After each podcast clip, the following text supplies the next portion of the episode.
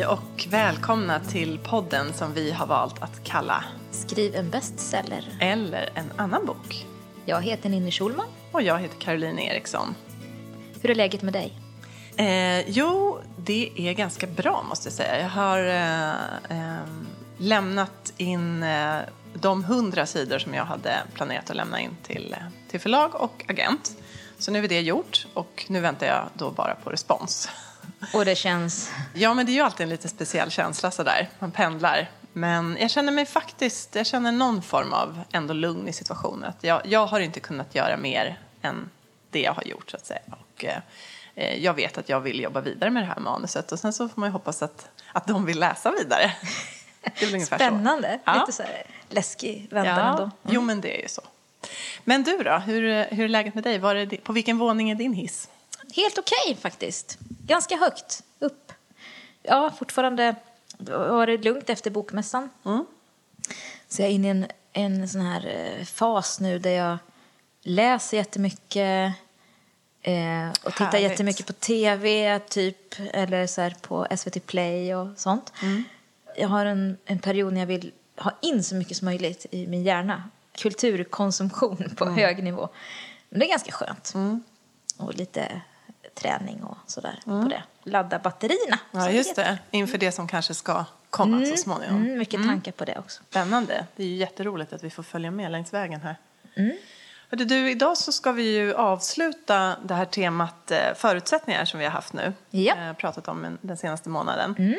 Och eh, det gör vi ju på sedvanligt vis genom att ha lite frågor och svar som vi har samlat ihop. Ja, vi har fått in en hel del ja. frågor. Det är jättekul att ni hör av till oss och lyssnar och har funderingar. Det tycker vi om. Ja, det känns jättebra. Så att, eh, jag vet inte, vi får väl se hur mycket de här frågorna tangerar förutsättningar. Nu, det, det är ju högt och lågt och det är väldigt mycket olika sorters frågor. Ja. Så vi, vi kör igång vi helt kör. enkelt.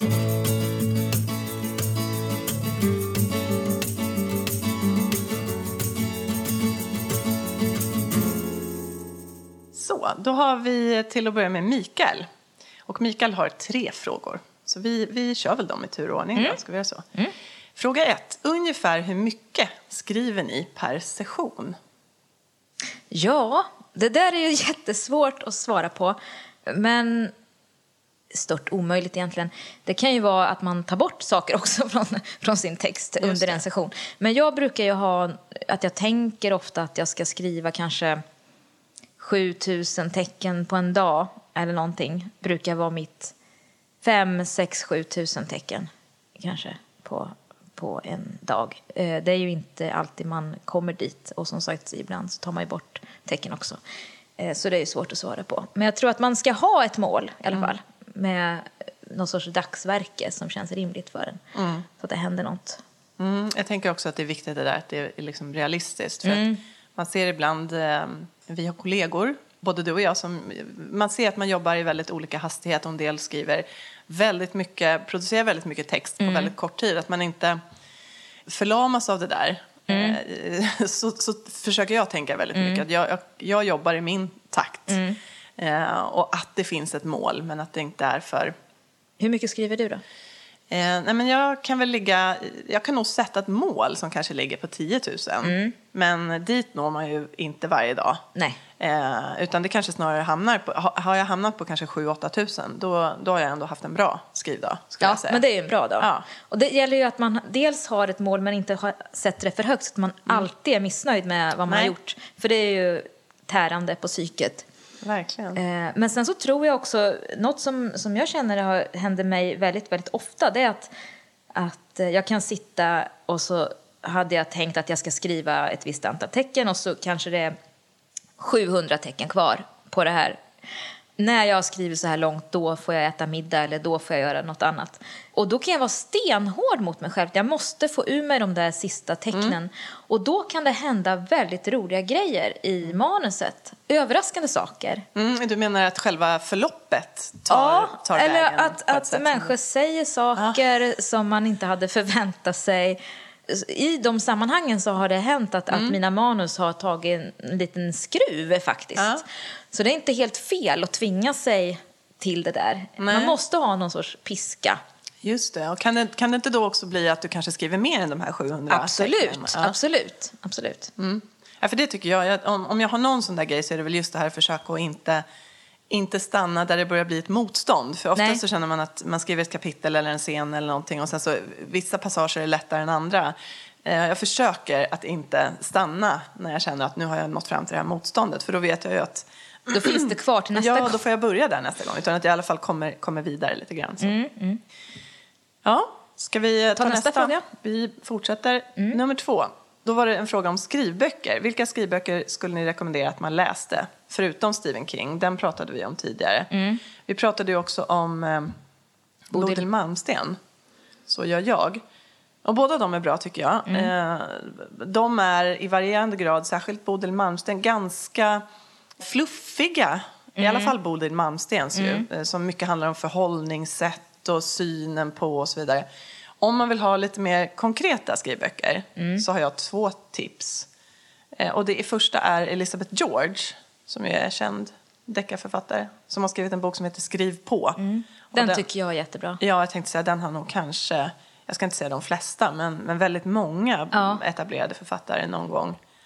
Och speciellt om man skriver inom spänningsgenren. Men jag tycker man har glädje av den även om man inte skriver i spänningsgenren. Det tycker jag. Håller du med? Ja, absolut. Sen har jag en gammal goding. Det här är ju liksom som jag har hittat nu i min bokhylla. Eh, och jag vet inte om den finns tillgänglig längre. Jag, det är en bok som heter Skrivarbok av Sivert Karlsson. Och eh, den handlar både om konsten att skriva prosa, poesi och journalistik. Oj. Men det, den, eh, den är väldigt så här, det finns olika kapitel om, eh, nu bläddrar jag lite grann här, karaktärer och gestaltning och inledning och vändpunkter och, och berättarsynvinkel och tema. Det finns liksom det mesta här. Och den är ganska konkret och det är ganska korta ko- kapitel och varje kapitel slutar också med eh, lite skrivövningar.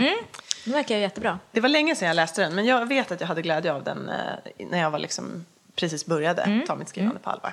Så förhoppningsvis så kan vi få... Har du någon annan sån här skrivarbok som du tänker på, som du har haft glädje av eller nytta av? Nej, det är faktiskt eh, Elizabeth George som jag har eh, haft mycket nytta av. Eh, också Stephen King då som jag inte använt så mycket av men den är ju väldigt inspirerande ändå Ja. att läsa. Ja, verkligen. Eh, Då har vi i alla fall nämnt fyra olika böcker där. Då tar vi Mikaels tredje fråga. Tror ni att man kan träna upp sin motivation och drivkraft? För det kan jag behöva i så fall. Nej. Ett Det var det svar. enkla svaret. Ja. Nej, men jag tror att man behöver ju inte skriva om man inte måste eller vill. Vill man skriva, känner man ett inre tvång att göra det, då kommer man att göra det. Sen så, klart att man måste bestämma sig. Inspirationen finns ju inte där varje dag, så att någon typ av av eh, vardagsdisciplin måste ju till. Och det kanske man kan träna upp. Men jag tror inte att, att man kan... Nej, men fin, finns lusten där så gör den det. Vad tror du? Ja, nej, jag tycker du, du sammanfattade det på ett väldigt, väldigt bra sätt där. Vi pratade ju också om det här lite grann i tidigare avsnitt med pirr under huden och även med Anna eh, Schultze. Vi, förra gången tyckte jag hon sa någonting bra när hon konstaterade det att när motivationen väl finns då är det inte en fråga om disciplin att skriva utan då är det snarare en disciplin att låta bli att skriva. Alltså att Ja. finns väl, väl lusten där då, då, då är det ganska enkelt. Det ska inte behöva vara svårt. Nej.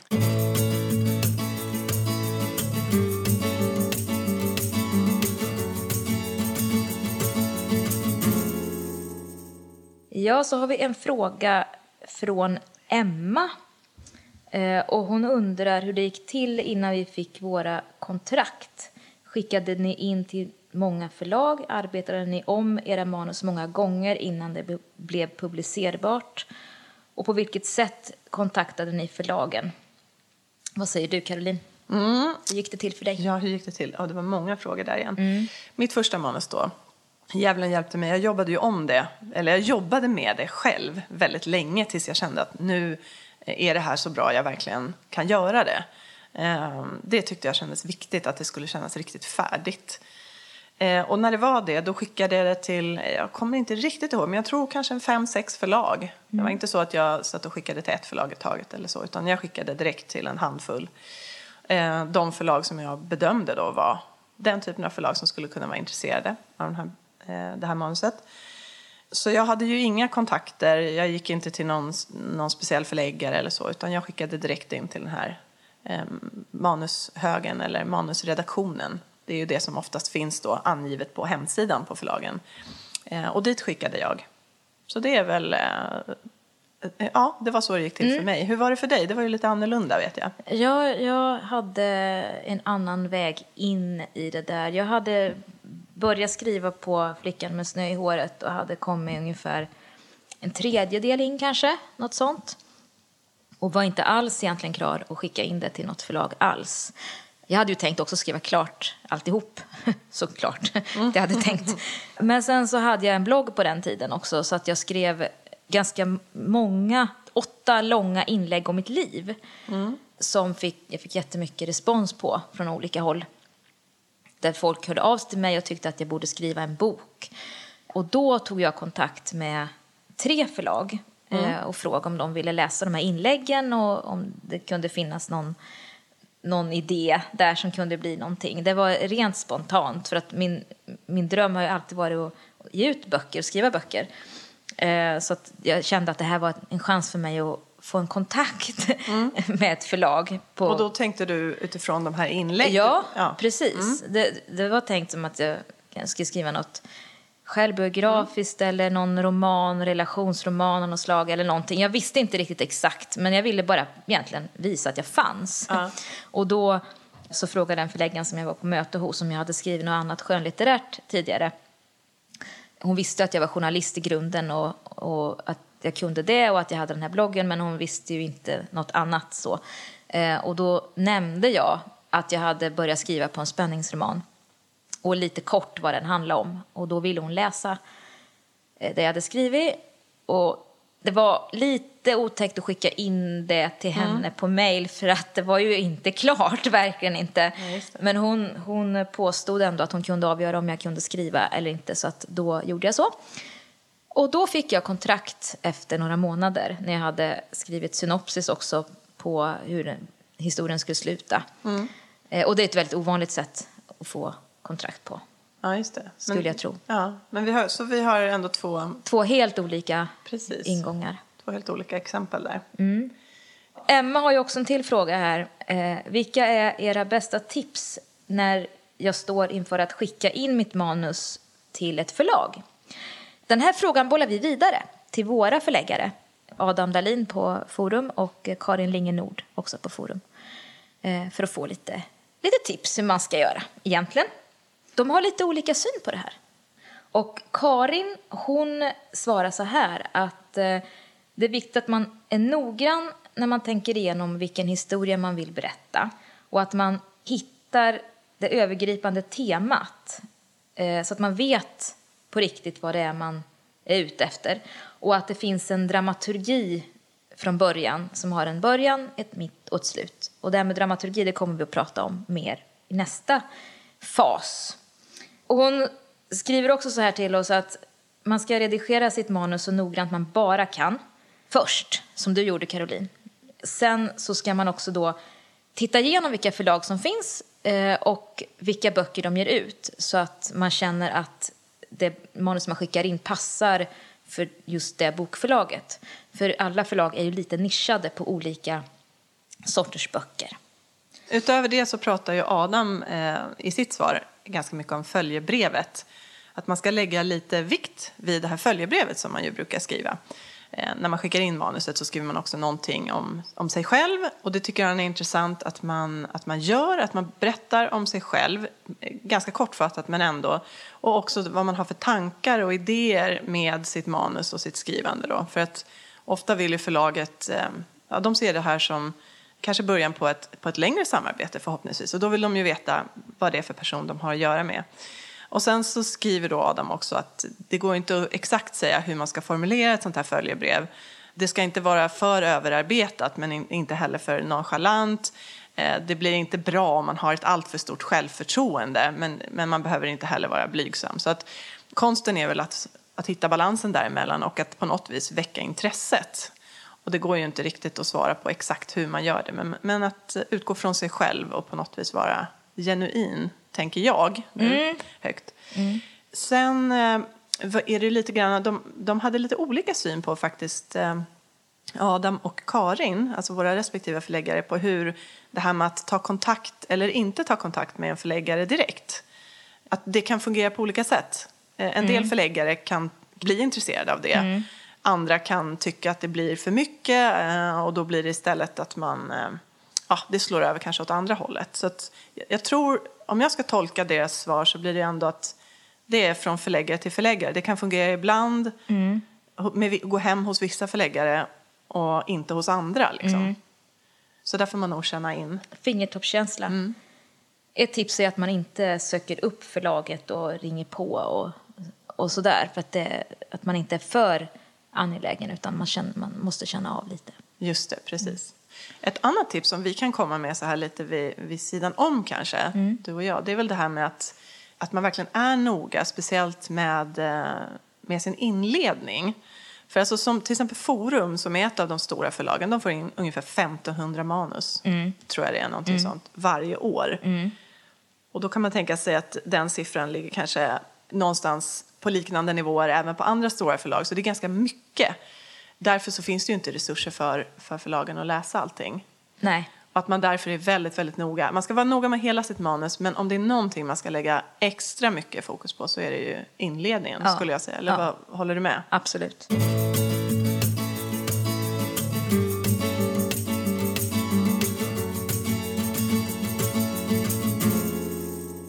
Sen har vi fått eh, ytterligare en fråga som rör det här med eh, förlag och förlagskontrakt och hur det går till. Och den har vi fått via direktmeddelande, så då, eh, då väljer vi att inte eh, tala om namnet på den här personen, bara konstatera att det är bra att man kan göra så också, om man vill. Eh, frågan kommer med anledning av att vi, vi förra gången, eller om det var gången innan, pratade om att, ehm, ja, hur vi hade gått in i, i branschen och att jag kom via Manushögen och att det är väldigt ovanligt. Och då, då, då är frågan som lyder då, som aspirerande författare undrar jag därför om ni har några tips på vad en annars kan göra än att skicka sitt manus till Manushögen. Vilka andra vägar finns för att få ett förlag att få upp ögonen för ett manus? Vilka vägar har de som inte tillhör promillen tagit? Ja, även där har vi ju frågat då våra, våra respektive förläggare. Vad har du fått för svar från Karin, din förläggare där inne? Ja, Karin hon, hon skriver att eh, chansen ökar om man kommer via en agent. Att man först skickar sitt manus till en agent som i sin tur kontaktar förlaget. För då, då är det mer, eh, då känner förlaget att det har passerat ett nålsöga redan, redan där, så att säga.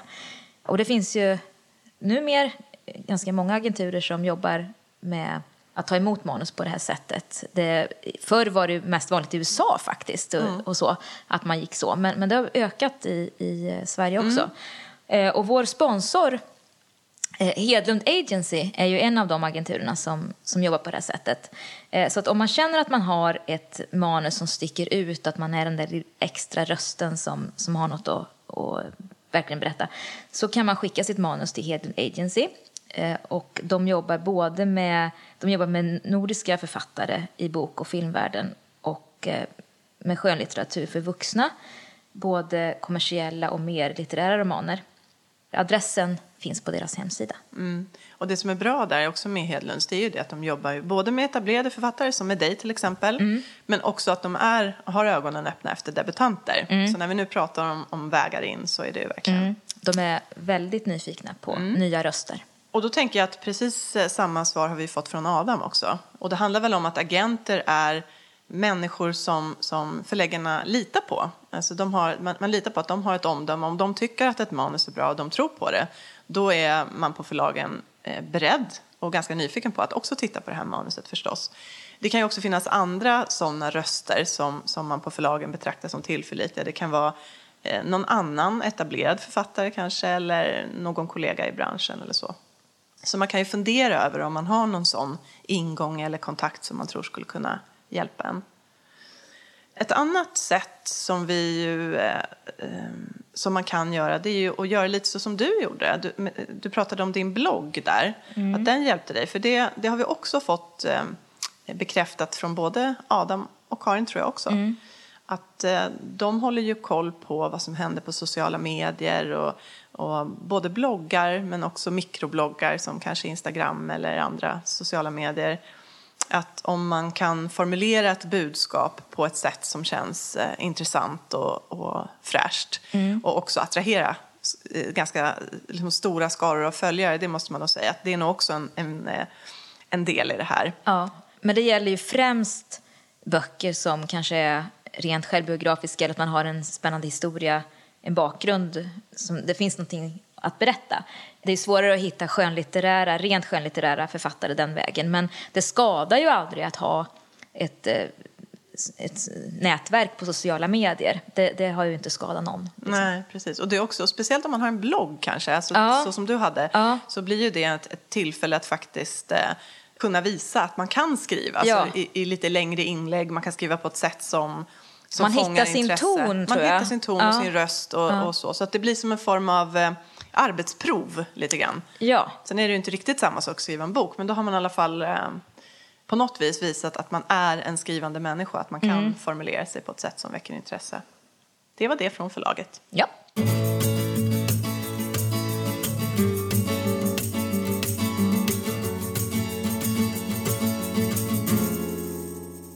Och så har vi fått en fråga från Ulrika som, har en, som undrar lite grann över lektörsläsning. Och hennes fråga lyder så här. Har ni några tips om man vill lämna in ett inte helt färdigt manus till bedömning? Jag är ute efter att se manuset håller måttet eller om jag måste tänka om redan nu. Mitt manus är cirka 50 färdigt men det finns ett övergripande skelett som beskriver handlingen i resterande kapitel i stora drag. Tack på förhand. Vad säger du om det? Jag skulle nog eh, föreslå, eftersom det här med lektörsläsning, om man ska eh, anlita professionell lektörstjänst av mm. något slag så, så, kostar ju det en del eh, faktiskt. Mm. Jag vet inte heller hur det är om de tar emot manus som är halvfärdiga. Det är mycket möjligt att de gör det. Jag kollade lite snabbt faktiskt nu innan på eh, Författarcentrums mm. eh, lektörstjänst. Det stod ingenting om huruvida de tar emot halvfärdiga manus eller inte. Det är mycket möjligt att de gör. Det kan man ju eh, kolla upp i så fall. Och det finns ju också andra lektörstjänster ska vi säga. Men min tanke kring det här är väl att jag tror att hon skulle ha mer ut av att eh, låta någon hon, hon litar på läsa det här, alltså mm. alltså någon i sin närhet. Inte, inte då bara gå med hoven och, och, välja någon som ska säga att åh vad bra och heja dig och så, utan välja någon som man tror kan ge ett riktigt, läsa på ett konstruktivt sätt och ge ett konstruktivt omdöme. Mm. För det hon frågar efter här är ju, håller mitt manus måttet eller måste jag tänka om redan nu? Och, och det kan man ju få svar på också av någon mm. som man faktiskt känner. Om man frågar på rätt sätt. Om man frågar på rätt sätt, mm. ja. Nej, men så, så tänker jag också.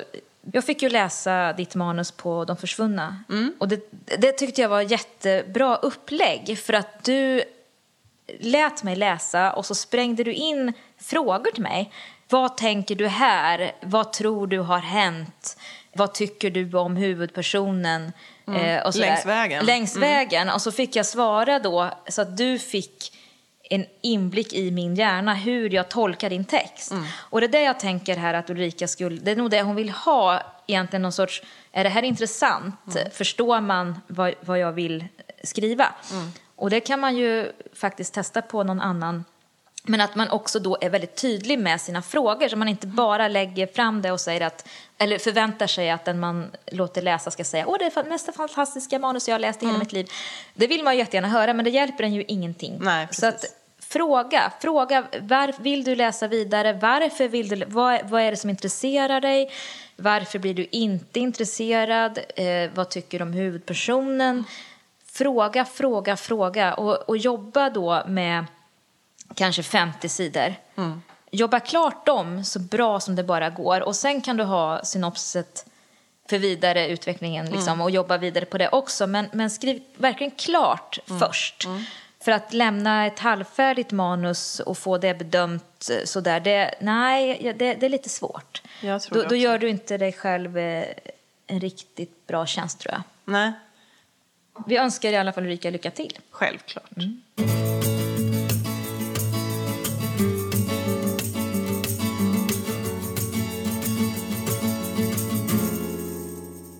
Och så har Madeleine en fråga också. Hur hanterar ni transportsträckor i en bok? Jag inbillar mig åtminstone att man inte bara kan stapla actionscener på varann utan att ibland händer det inte så mycket för att man ska kunna jobba upp en viss stämning allt eftersom.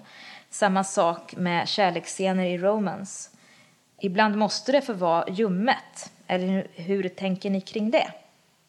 Och hur får ni ork att skriva dessa inte lika roliga scener?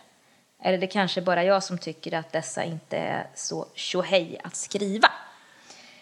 Ja, jag tänker lite olika saker. Jag tänker för det första att eh, vi kanske inte alltid har samma syn på vad som då är de här scenerna som är tjohej att skriva och vilka som är transportsträckor. Jag tror att det också skiljer sig från författare till författare. Gillar man att skriva de här actionscenerna eller gillar man att skriva scener där man kanske mer fördjupar karaktärer eller så? Det, det kan ju vara väldigt olika. Så tänker jag. Eh, och sen naturligtvis, det finns vissa scener som jag gillar att skriva mer, som jag känner är tjohej att skriva. Eh, och det finns andra som jag tycker är jobbigare, men det beror oftast inte på att jag tycker de är tråkiga. För om jag tycker att en scen är tråkig, då skulle jag nog snarare fundera på, ska den vara med i boken? Alltså så fort jag känner att jag själv börjar tycka att det är tråkigt, då kan jag också misstänka att läsaren kanske tycker samma sak. Så att jag tänker, vi kommer ju tillbaka till när vi pratar dramaturgi, men jag tycker att för mig har jag alltid en tanke så här att varje scen ska ha ett syfte. Liksom, vad är syftet till att just den här scenen är med i boken eller i manuset? Och, och det här syftet måste vara antingen att liksom föra handlingen framåt eller att fördjupa karaktärerna. En eller båda av de två. Och finns inte det, då ska den inte vara med. Nej. Så jag tänker att, om det, är, att det kan finnas en sån dimension i det här också. Man ska inte fylla ut bara för att fylla ut. Nej. Utan det måste, även de scenerna måste ha ett syfte. Ja, så tänker nog jag. Vad, vad, hur tänker du? Nej, men jag, jag, jag är också inne på din linje där att, att jag, jag gillar, om man ska säga, transportsträckorna. Eller jag, jag ser det inte som det, utan jag ser, men om man säger i min genre då, deckargenren, så måste man kanske säga då att biljakterna och när man hittar lik och sådär, att det är det som när det händer. Och att det här privata runt omkring skulle då vara transportsträckorna. Men jag tycker att de är jätteskojiga att skriva när Magdalena tar hand om sina barn. Eller, för att det finns oftast någon typ av spänning i dem också på ett annat sätt. Men jag gillar att skriva dem. Det jag tycker är tråkigt att skriva, det är faktiskt något som måste vara med i mina böcker. Det är de här polismötena. Där man samlar upp liksom, vad som har hänt. Det är ju för läsarens skull, att, att läsarna ska hänga med på de förhör man har gjort och man sammanfattar och man, hur man ska gå vidare och sådär. Och de är väldigt viktiga, men astråkiga tycker jag. Men hur gör du då för att, ändå liksom boosta upp motivationen till att, när du ska skriva en sån scen? För du, Ja. du ska ändå ha dem med, så att säga. Ja. Hur gör du då? Eller hur, hur går du tillväga? Nej, men jag försöker att... Eh, dels så, så känner jag att, att det är viktigt för boken, så att de måste ju vara där. Eh, men sen så vill jag också att det ska finnas någon typ av spänning runt, runt det här bordet mellan poliserna. Eh, så de ska inte bara prata om vad som har hänt, utan det finns också någon relationsfnurra, måste det finnas, mellan dem. De ska retas lite och störa sig lite på varann eller pika varann och, och bli lite sura eller att det ska finnas någon flört kan det finnas, som i nya boken här. Ja. Finns det mycket Ja. flörtande. Ja, det gör det. Och, och så. Ehm, lite passion kan ju tillföra något i de här sammanhangen. Nej, men man Finns kan jobba med det. laddning. finns en laddning. Man måste ladda scenerna med något annat. Så att de inte blir rena transportsträckor utan att det också blir någonting eh, som, som går lite djupare än att det bara är fakta som staplas och så. Så jag gillar, jag gillar de här mjukare delarna jättemycket. Ja, men det, som sagt, det är ju lite det. att Det beror på vad man, vad man menar, vilka, vilken typ av scener man tycker är Ja, roligast. men jag tycker man ska tänka verkligen på att är det här en, trans, en ren transportsträcka, då ska den bort. Ja, det tycker jag också. Man måste ladda den med någonting mer än bara liksom att, att man måste ha lite lugnt ibland. Absolut. Men absolut. Det måste finnas ett syfte ändå med. I lugnet ska det finnas någonting annat. Mm, som- någon som annan liten plats. konflikt eller någon, någon eh, åtrå eller något. Ja, precis.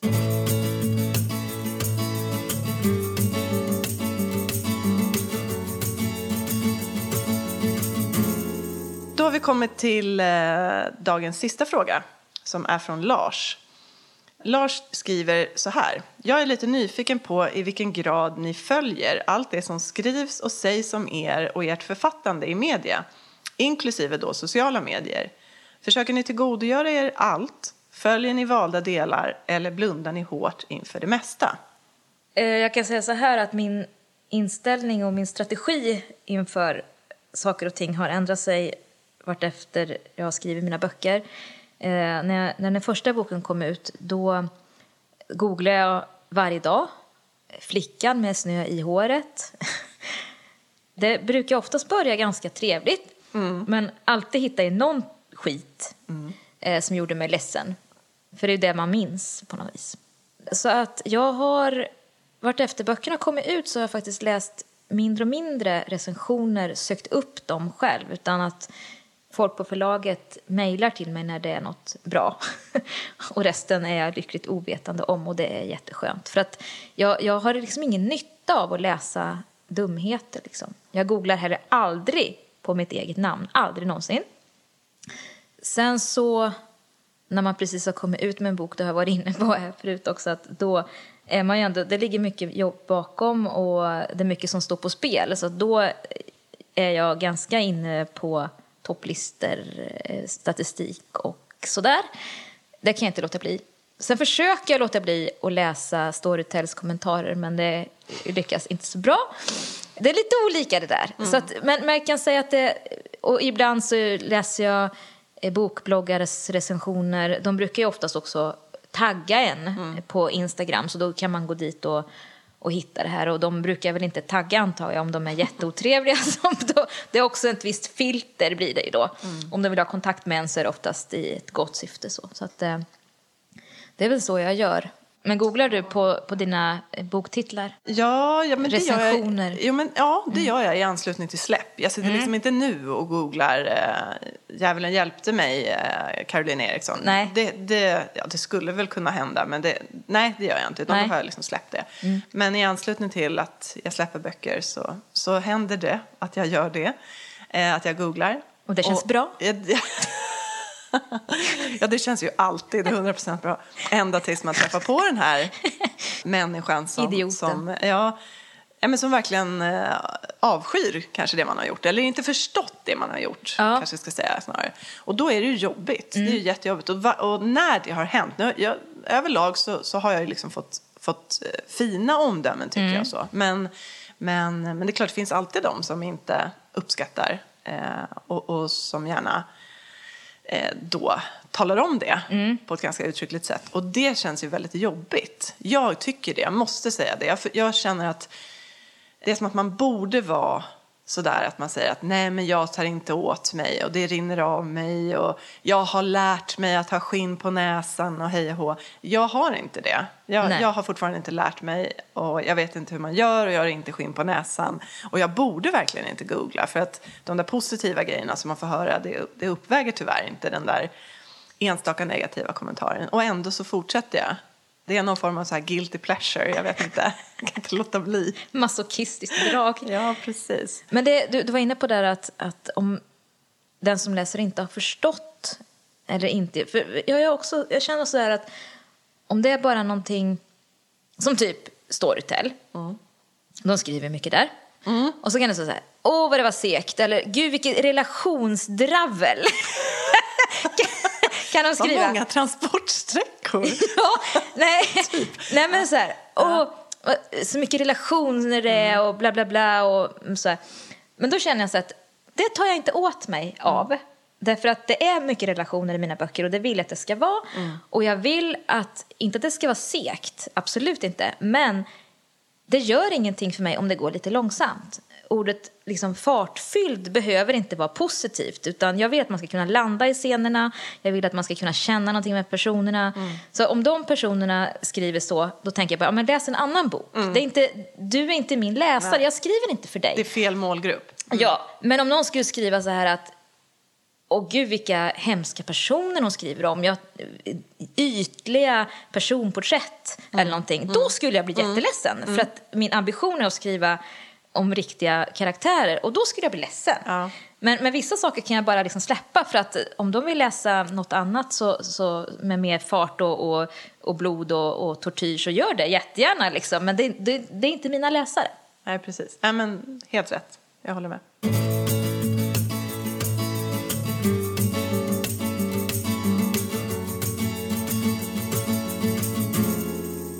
Ja, det där var väl sista frågan vi hade för idag. Ja. Men vi är så glada över att ni hör av er till oss och fortsätt göra det. Fråga vad som helst. Eh, nu har vi ju avslutat den här fasen med förutsättningar och går in i ett nytt tema. Men det är bara att hänga på. Om fyra veckor så tar vi upp era frågor igen. Och vi hoppas ni vill hänga på redan nästa vecka när vi börjar med eh, fasen som vi har summerat eller gett namnet dramaturgi och planering. ja. Så nu känns det som vi verkligen börjar liksom, ska börja kötta. Ja, riktigt. Nörda Ja. ner oss ordentligt Ja, här ja. i hantverket. Ja, så det ser vi fram emot. Ja. Men som sagt, hör gärna av er. Vi finns ju på Instagram med varsitt personligt konto och så har vi ju vår Facebook. Mm. Facebook-sida, Skriv en bestseller eller en annan bok. Och vi är också jätteglada. Vi har fått så fina betyg på iTunes. Och lite Mm, verkligen. recensioner och så. Vi Ja. är så glada. Ja, vi är jätteglada. Tack snälla ni som har tagit er tiden att gå in och ge oss så fina betyg och, och omdömen. Det värmer verkligen. Och det hjälper dessutom podden. Ja. Så att, eh, fortsätt gärna om ni känner, om ni känner att ni eh, vill. Så får ni jättegärna fortsätta med det. Ge betyg eller omdömen. Och tipsa andra som också skriver. Självklart. Och sen ska vi som vanligt eh, tacka Timmy på poddbyrån för klipp och mix av den här podden. Och eh, musiken är skriven av Josh Woodward. Vi säger så då. Hörs nästa vecka Ja. hoppas vi. Tjing tjing! Hej då! A sticky summer's day in Shepherdstown. An eagle in a thermal is a circling round like a tire on a bike rolling down Columbus Street. But Katie got a little look of hope in her eyes and her arms unfold and she looked to the skies and said, I'm gonna learn to fly around with you, yeah. She jumped up high and she fell to the ground and skinned her little knee and made a horrible sound. She got right up and she tried it again and smiling all the way with her unstoppable grin.